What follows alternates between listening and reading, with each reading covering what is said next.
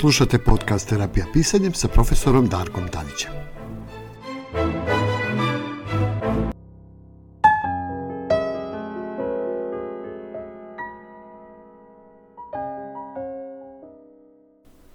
Dobar dan i dobrodošli u najnoviju epizodu terapijskog pisanja na našem podcastu. Danas govorimo o nečemu što ja volim često da kažem e, tema koja je moja omiljena, a to je to su emocije. E, tema današnje emisije je i sadržana u samom naslovu i zove se Olovka piše srce. Šta praktično to znači u ovom našem nekom metaforičnom kontekstu kada govorimo o terapiji pisanja?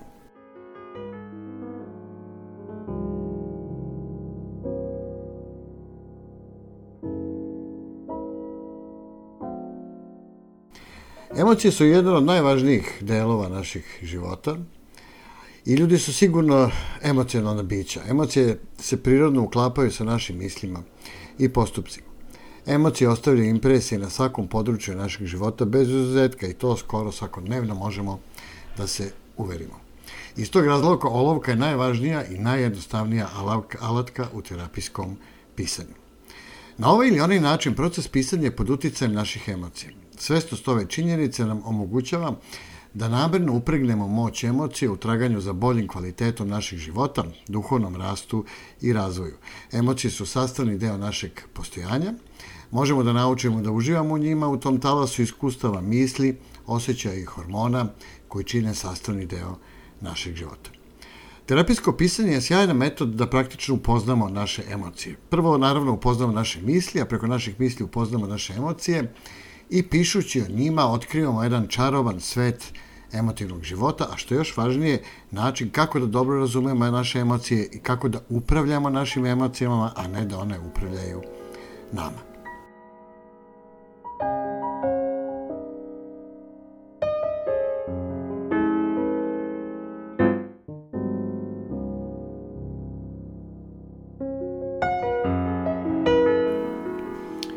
najjednostavnija primjena emocije u pisanju je praktično direktno pisanje o njima.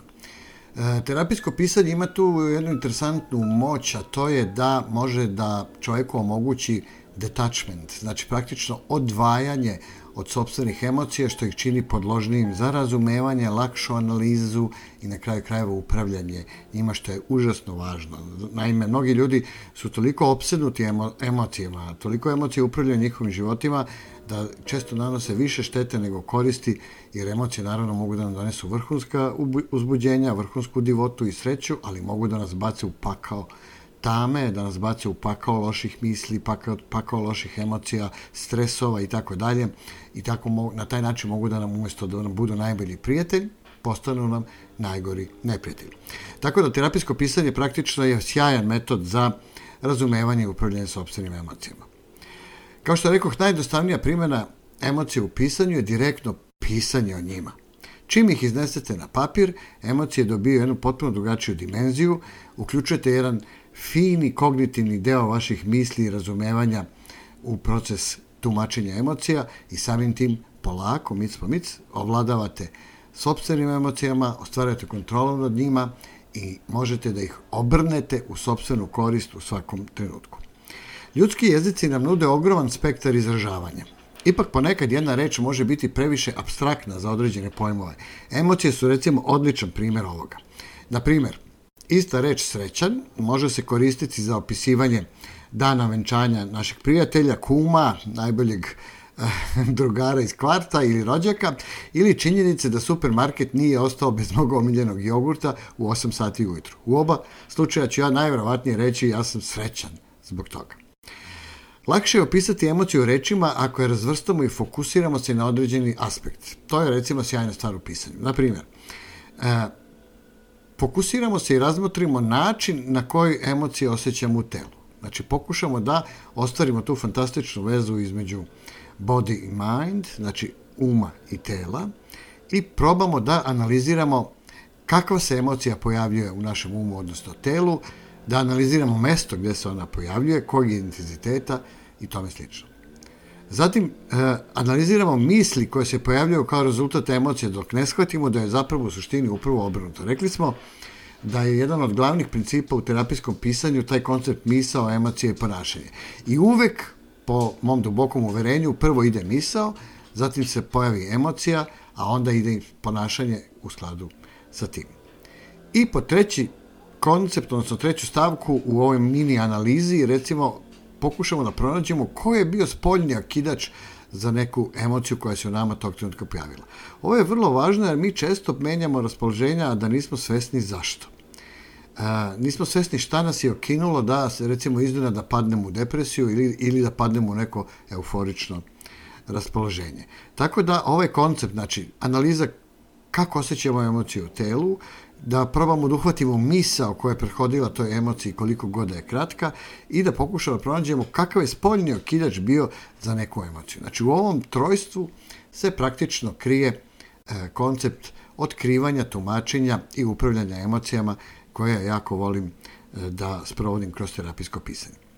Na primjer, kada se osjećamo loše, ponekad je na prvi pogled nejasno šta je to uzrok. To bi moglo da bude jedan događaj bezbroj isprepletenih okolnosti ili praktično ništa. Znači, spolja ne mora ništa da nam se desi, ali može da nam se dogodi misao koja nam se pojavi u glavi i ona može da pruzrukuje dobro ili najčešće loše raspoloženje.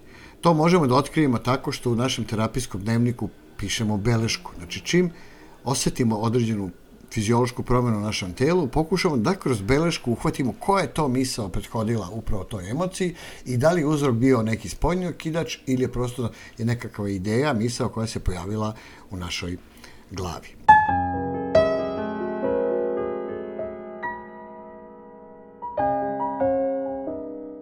Ponekad je naše pisanje neko, samo neko škrabanje, jeli, u dnevniku ili pokušamo da napravimo vežbu asocijativnog pisanja.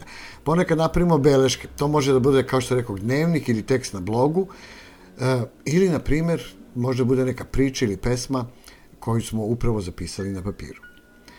Ono što je važno jeste da u terapijskom pisanju, kroz različite vežbe, praktično imamo priliku da preusmeravamo mržnju, bes i druge mračne emocije koje recimo možemo da doživimo u toku dana, pustimo je da izađe na praznu stranicu. Tastatura računara postaje, dakle, prava jedna terapijska torba, jedan mali elektronski dnevnik. Sa svakim pritiskom na taster moje telo se osjeća lakšim i mogu ponovo da počnem duboko da dišem. I to je ona prva i najveća korist terapijskog pisanja, a to je pražnjenje emocije na papir, a zatim tumačenje misli koje se vrte oko te emocije i u skladu sa tim na kraju možemo biti u stanju da menjamo i svoje ponašanje i tako zatvorimo ovaj čaroban krug.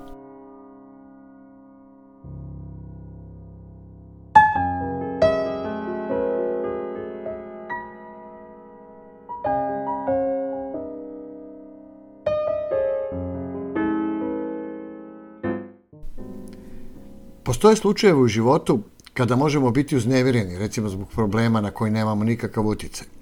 To bi mogla da bude neka užasna politička situacija u zemlji, evo ovaj primjer sa pandemijom covid ili neki ličan doživljaj kao što je prepirka sa partnerom. Nedostatak novca, loš posao i brigi oko računa i slično imaju samo štetne efekte i čak mogu da pojačaju negativno stanje našeg uma. Ako se to događa u dužem vremenskom periodu, onda takav negativan način razmišlja postaje zapravo naša navika, a da je zapravo uopšte nismo svesni. Terapijsko pisanje kroz svoje vežbe dakle služi da ovo upravo osvestimo i tako shvatimo emocije i ponašanje koje sledi iz toga. E, moje lično iskustvo je da je ovo tehnika koja je zaista fantastična traženje nečeg što mogu da uradim, recimo kroz terapijsko pisanje, da imam pozitivan uticaj na samog sebe, pomaže da se distanciram od negativnih misli koje mogu da se kuvaju i najčešće se kuvaju u mojoj glavi. Pisanje nudi mogućnost da se uradi upravo to. Preokreće prelazak sa razmišljanja na rad i tako pomera fokus sa kruga zabrinutosti u krug uticaja a to je zapravo pisanje. I u krajnjem rezultatu podstičemo je da razmislimo sobstvenim mislima i stavimo ih u širu perspektivu koja uvek olakšava rad na prevazilaženju nekog problema ili stresne situacije u životu. Terapijsko pisanje je idealan način da očistim negativne misli i usmerim život na kreativan rast i razvoj. To zaista preporučujem i vama. Probajte i vi, ne može da škodi. U individualnim i grupnim terapijskim radionicama terapijskog pisanja upravo učimo ovakve vežbe putem kojih možemo da ovladamo svojim mislima, emocijama i ponašanjem. Probajte. Ne košta vas ništa, odnosno košta vrlo malo, a dobitak je vrlo veliki. Pridružite nam se u terapijskom pisanju, promenite život i postanite sebi najbolji prijatelj i najbolji terapeut.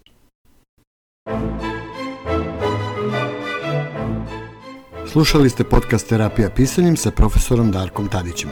Pratite nas i u sledećim epizodama na našem sajtu www.terapijapisanjem.com. Do slušanja.